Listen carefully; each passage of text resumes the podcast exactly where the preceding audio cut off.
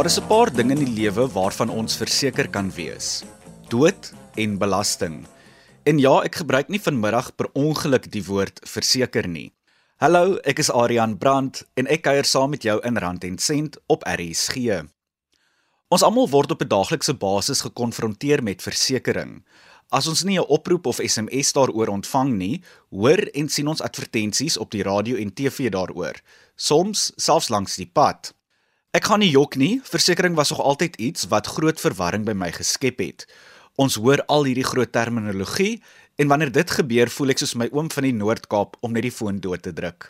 Maar versekerings is iets wat elkeen van ons benodig in die lewe, want soos ek genoem het, ons almal gaan op een of ander stadium dood. Nou, ek weet wanneer ons van versekerings praat, onderskei ons tussen twee soorte, naamlik langtermyn en korttermynversekering. Vanmiddag in die program fokus ons spesifiek op langtermynversekering en ek vind uit wat die ABC van langtermynversekering is. Om my hiermee te help is Nico van Geysen, 'n geregistreerde finansiële beplanner en ook die besturende direkteur van Finlek. Nico verduidelik eers wat die verskil tussen lang- en korttermynversekering is en dan gesels ons oor die verskillende soorte versekerings wat verbruikers benodig. Nico sluit by my aan via die telefoonlyn. Nico, is lekker om jou op die program te hê en ek is seker daarvan ek en 'n klomp van die luisteraars gaan iets daarom vandag kan leer as dit kom by finansiële sake en veral by versekerings. Maar voordat ons daarby kom en voordat ons oor versekerings spesifiek langtermynversekering gesels, Vertel eers vir ons 'n bietjie meer van jouself en wat dit is wat jy alles doen by Finlek. Arian, ek is uh, bestuurende direkteur van Finlek, ons maatskappy. Ons spesialiseer eintlik in boedel en trustbeplanning. Ons doen beleggings kliënte en natuurlik ook versekerings, maar 'n onderdeel waar ons vandag gesels is, maar 'n onderdeel van boedelbeplanning, die breë prentjie. Ons doen die hele spektrum van finansiële beplanning hierso. En dit is natuurlik alles wat deel vorm tot 'n mate van versekerings. Ons weet dit is belangrik om vooruit te dink aan die toekoms en wat alles kan gebeur in ons lewens. Nico, ek het genoem ons gesels vanmiddag spesifiek oor langtermynversekering en iets wat sekerlik 'n baie belangrike aspek van ons alledaagse lewe is. Nou, voordat ons by die meer gekompliseerde dinge kom, ek weet ons onderskei gewoonlik tussen verskillende soorte versekerings, soos ek genoem het, naamlik kort en langtermynversekering. Wil jy nie vir ons vertel wat die verskil tussen die soorte versekerings is nie? Arian, korttermynversekering gaan oor goed. Langtermynversekering gaan oor lewe.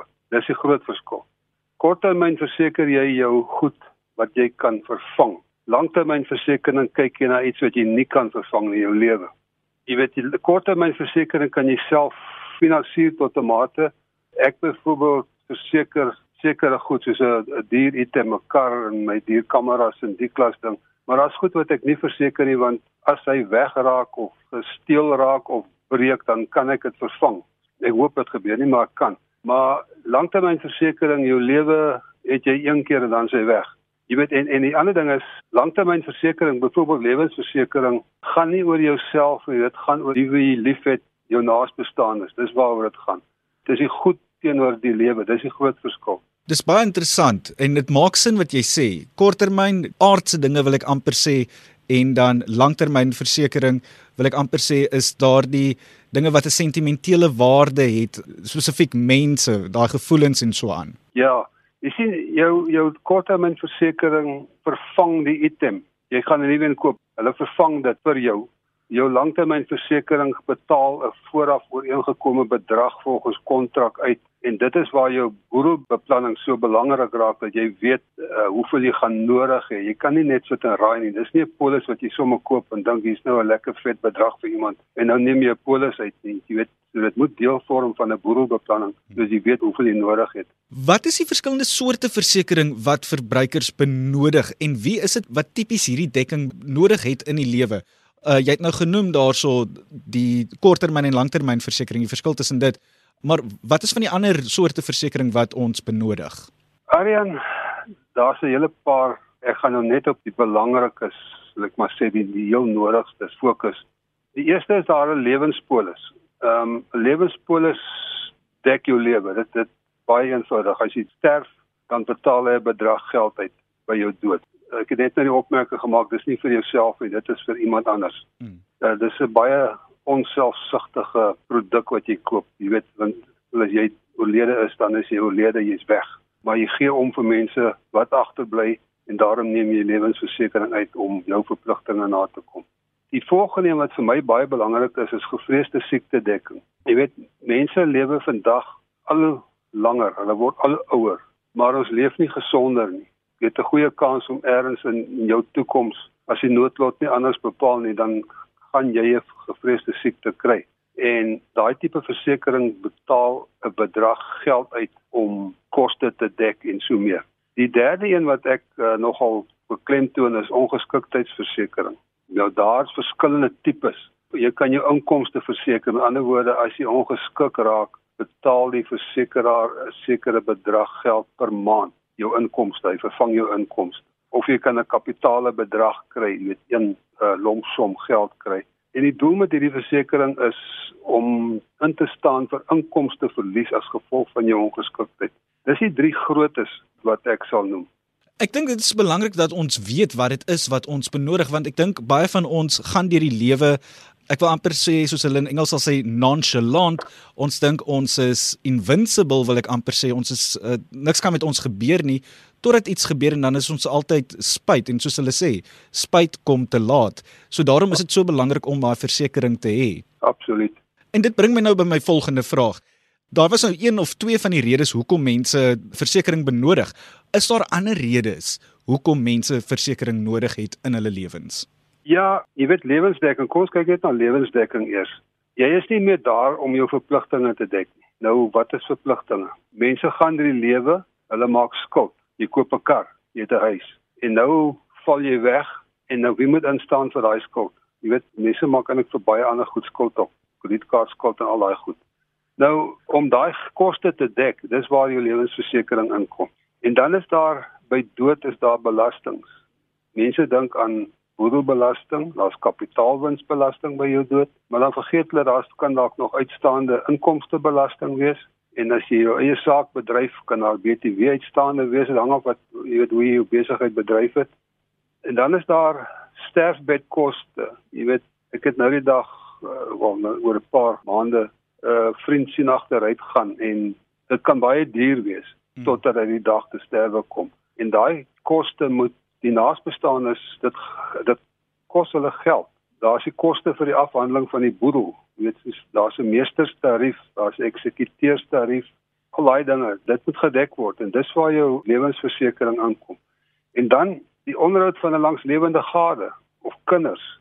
Jy is nou nie meer daar nie, sê jy is die broodwinner jy's nie meer daar nie, dan ehm um, val dit weg en eers moet die geld vandaan kom. Hulle moet bly lewe. Hulle het staat gemaak op jou. En 'n belangrike punt hierso wat ek dalk kan uitlig as ek kan is dis Dinsdag Vrouedag en dis hierdie is 'n baie belangrike punt. Vroue onderskat hulle eie waarde. Veral die uh, huisgesinne waar die man die broodwinner is en die vrou die sogenaamde tuiste skepper.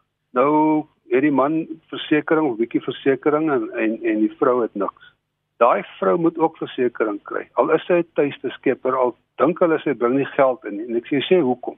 Sy is daar om kinders op te pas. Die pligte wat sy doen moet vervang word deur iemand anders. Jy gaan iemand in diens moet neem om sekere funksies te doen en wat die vrou nou doen. So dis 'n belangrike ding dat die vrouens moet ook kyk na hulle versekerings. Maak nie saak watter rol hulle in die huwelik speel. Nico, ek dink dit is 'n belangrike punt wat jy daar uitlig en ek dink nie baie mense dink so daaraan nie. Ons weet vrouens vervul 'n belangrike rol in ons samelewings en soos jy genoem het, maak nie saak wat hulle spesifiek doen nie of hulle 'n tuiste skepper is of hulle die kinders uh, versorg en of hulle dit selfs werk nie. Vrouens het ook versekerings nodig en ek bly jy raak aan daardie punt want soos jy genoem het, komende Dinsdag is Vrouedag.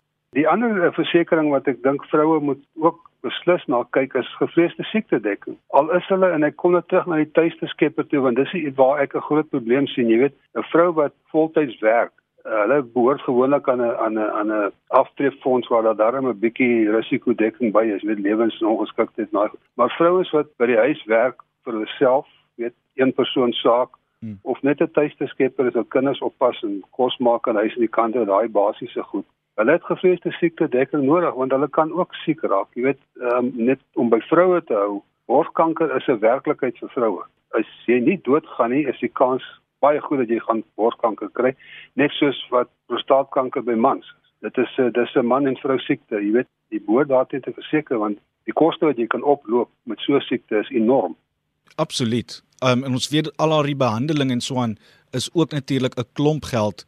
Um ek weet self van 'n paar mense wat nou kankerbehandeling kry, uh, naasbestaandes, uh familielede van vriende en so voorts en ek weet die kostes wat daaraan verbonde is. Nico so op die punt van versekerings en versekeringpolisse en dekking en so voorts. Is dit wys om meer as een versekeringspolis of dekking te hê? Ja, dit kan nodig wees. Die een kan uitbetaal aan verskillende begunstigdes, byvoorbeeld. Jy weet, uh, dit hang af van ek ek het begin ons het begin praat oor boedelbeplanning. Ehm um, as jy die beplanning reg gedoen het, dan sal jy weet wat jy nodig het. Nou jy kan 'n polis, dat ek net vinnig dink aan 'n voorbeeld hierso. Kom ons sê jy is 'n boer en jy wil hê een kind moet die plaas erf want hy of sy vrouensboere ook hoor asseblief ek wil mense moet verstaan dit is nie net die seuns wat plase moet erf nie uh een van hulle erf nou die boerdery en gaan nou daarmee aan nou is daar ander kinders wat hy graag wil bevoordeel hy kan 'n polis uitneem tot 'n sekere waarde en een polis vir elke kind ons moet onthou 'n polis is 'n kontrak tussen jou en 'n versekeraar daardie polis betaal dan direk aan daai kind uit en so kan jy beter almal gelyk behandel dan is daar weet sakeversekering as jy in 'n vennootskap is of saam met iemand anders in 'n saak is waar jy 'n polis uitneem op daardie persoon, 'n lewenspolis op daardie persoon se lewe en hy op joune sodat julle mekaar se aandeel kan uitkoop. Ja, dis maar die sakeversekering gedeelte. O ja, die ander een wat ek nou vir 'n oomblik vergeet het, die die sleutelpersoon verseker. As jy 'n saak van jou eie het, dan het jy daar's miskien 'n persoon wat vir jou baie belangrik is en dan kan jy daardie persoon se lewe verseker want is moeilik om daai persoon te vervang. So dan kan daar 'n bedrag geld vir jou beskikbaar wees om iemand te kry en iemand op te lei, iemand te soek, jy weet hoe daai persoon, daar's 'n geldwaarde aan daai persoon. Kan dit natuurlik die die verskillende sekerings ongeskiktheid, gevreesde siekte en so meer. Nico net gevindig terug daarso na daai voorbeeld wat jy genoem het van die versekerings wat jy kan uitneem op iemand wat baie waardevol is tot die eenman saak of so. Ehm um, kan dit byvoorbeeld iemand wees soos byvoorbeeld 'n persoonlike assistent of so? Ja, absoluut. As die persoon vir jou baie waarde het in jou besigheid, jou in jou saak, uh, dan kan jy daardie persoon verseker en as dit reg gedoen word, dan is daai polis ook vrygestel van boedelbelasting.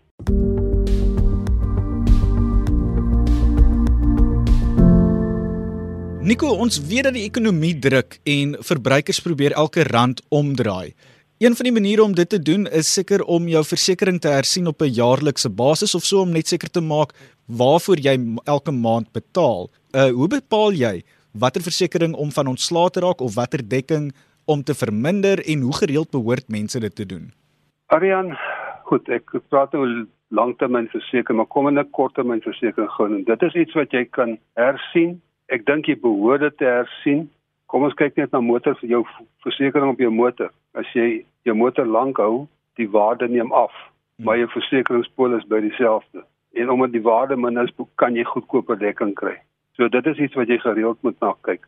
En dan terselfdertyd besorg vir lae premies want uh jy weet jy kan meer bybetalings hê, 'n moeiliker uitbetaling. So maar ek dink met iemand wat korttermyn versekerings verkoop, behoort jy te kan adviseer daaroor. As ons kyk na langtermyn, daar is 'n bietjie van 'n probleem want jou versekerings, soos wat jy ouer raak, raak duurder. En ek dink nie jy moet te veel karring aan jou lewenspolis as jy het nie. Soos wat jy ouer word, raak die uh, polis duurder. So wat ek sien in die mark gebeur ongelukkig is dat daar sommige mense is wat vir kliënte 'n uh, goedkope versekering aanbied, maar daai polispremie styg elke jaar met 'n persentasiepunt. Ek weet 8%, 10% per jaar en kort voor lank is daardie polis onbekostigbaar. Nou goed, nou kan jy sê ek kan teruggaan en en aan daai kant kanselleer en 'n ander polis uit. Maar jy, baie keer jy raak ongesond as jy ouer word. Dit bloeddruk is 'n baie algemene ding. Cholesterol is 'n baie algemene ding. Ouderdom tref almal. Hmm. Niemand kan dit sy stap. Daai goed het also invloed op jou polispremie. So as jy 'n versekering koop, dink ek, "Ag, jy moet jonk as moontlik wees, so koop hy polisse en B kry 'n gelykblywende premie al is hy duurder want die ander gaan vir jou inhaal een of ander stadium binne eintlik baie binnekort gaan dit jou vang en dan sit jy in 'n situasie Uh, ons weet van iemand wat polis gekoop het, ook goedkoop polis en hy het al duurder en duurder geraak. Hy sy polisse kos hom nou oor die 80000 rand per maand. Sjoe. En hy kan nie uit nie want hy's ongesond. Niemand gaan hom wil hom verseker nie. Nou, hy moet dit net volhou. Jy weet hy het verpligtinge en hy moet dit volhou. En dis 'n klomp geld, Aryan. Nee, dit is absoluut. Ek kan myself indink. Ek, is bly jy raak aan die punt dat mense dit al op 'n jong ouderdom moet daaraan begin dink. Ek uh, ek meen dit vorm deel van finansiële beplanning en ons jong mense, die jong klomp oor die algemeen is maar soos ons weet kansvatters en so aan ons dink nie ons dink altyd ons het genoeg tyd en so aan maar soos jy sê hoe langer jy wag hoe duurder word dit ja en as ek net daar kan byvoeg ouer mense kom op 'n punt wat hulle dink hulle het nou nie meer die dekking nodig nie. En jy weet daardie polis premie elke maand begin hap aan jou. Nou wat moet jy daar doen? Jy weet ek is nie 'n groot voorstander van lewensdekking kanselleer nie.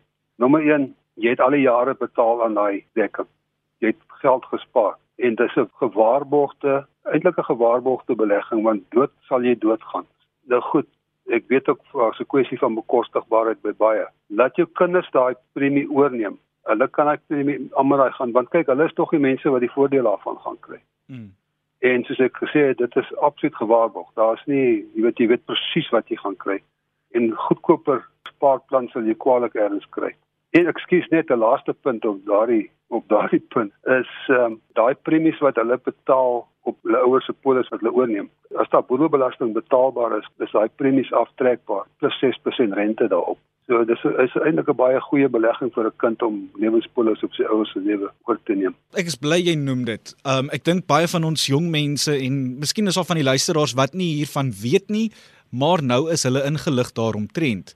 Nico, jy het nog gepraat van van die maniere en so aan om jou maandelikse versekeringspremies en so aan daarop te spaar. Is daar ander maniere of is dit dit? Ja, daar's nie vreeslik nie, Aryan, jy weet, ek kyk na behoeftes. Ek dink my my my voorstel sou wees om 'n gesertifiseerde finansiële beplanner te kry wat vir jou 'n omvattende beplanning van jou boedel kan doen en al die berekeninge doen. Die somme kan gemaak word. Dan kan jy sê hoeveel jy nodig het. So, dit gaan help dat jy nie onnodig polisse uitneem nie. En jy kan kyk watter risiko's is belangrik vir jou en jy kan daardie risiko's dek. En en ehm um, dan kan jy daarvolgens besluit luister dit pas by my begroting in of nie.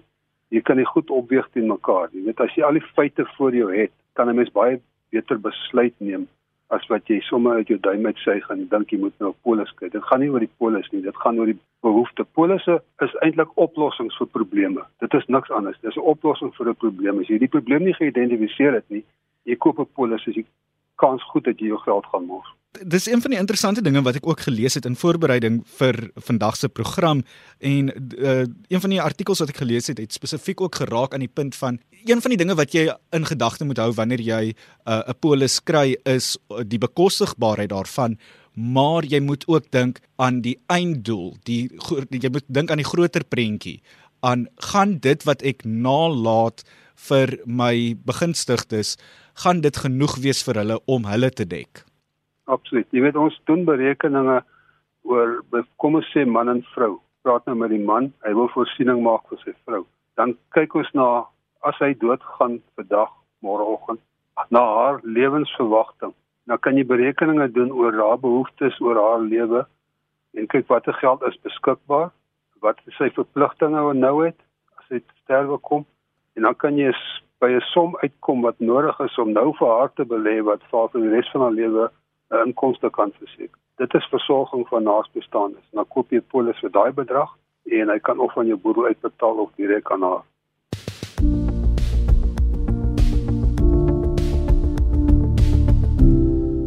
Dran Nico van Geysen, 'n geregistreerde finansiële beplanner, as ook die besturende direkteur van Finlek wat saamgekyer het op Rand en Sent. Ek weet nie van jou nie, maar ek het beslis 'n paar dinge vanmiddag geleer met betrekking tot langtermynversekering. Ek het duidelik gekry oor wat die soorte versekerings is wat verbruikers benodig en ja, soos Nico vroeër genoem het, lewensversekering is beslis iets waarna jy moet kyk en onthou ook om te dink aan gevreesde siektesdekking as ook ongeskiktheidsdekking. Soos Nico ook genoem het, as jy langtermynversekering het en jy kan nie daardie premie meer byhou nie, praat met jou kinders of jou begunstigdes en laat hulle daardie premie oorneem. Daar is sekere voordele daaraan verbonde en boonop is hulle die mense wat gaan baat vind wanneer daardie dekking uitbetaal. Dit was dan vanmiddag se program en ek moet groet. Jy kan weer na die program luister op die RSG webwerf rsg.co.za. Klik op die potgooi skakel en soek dan onder die rand en sent potgoeie. Ek kuier weer volgende Sondag saam met jou wanneer ons verder oor langtermynversekering gesels en ons gaan ook so 'n bietjie raak aan korttermynversekering. So maak seker om in te skakel.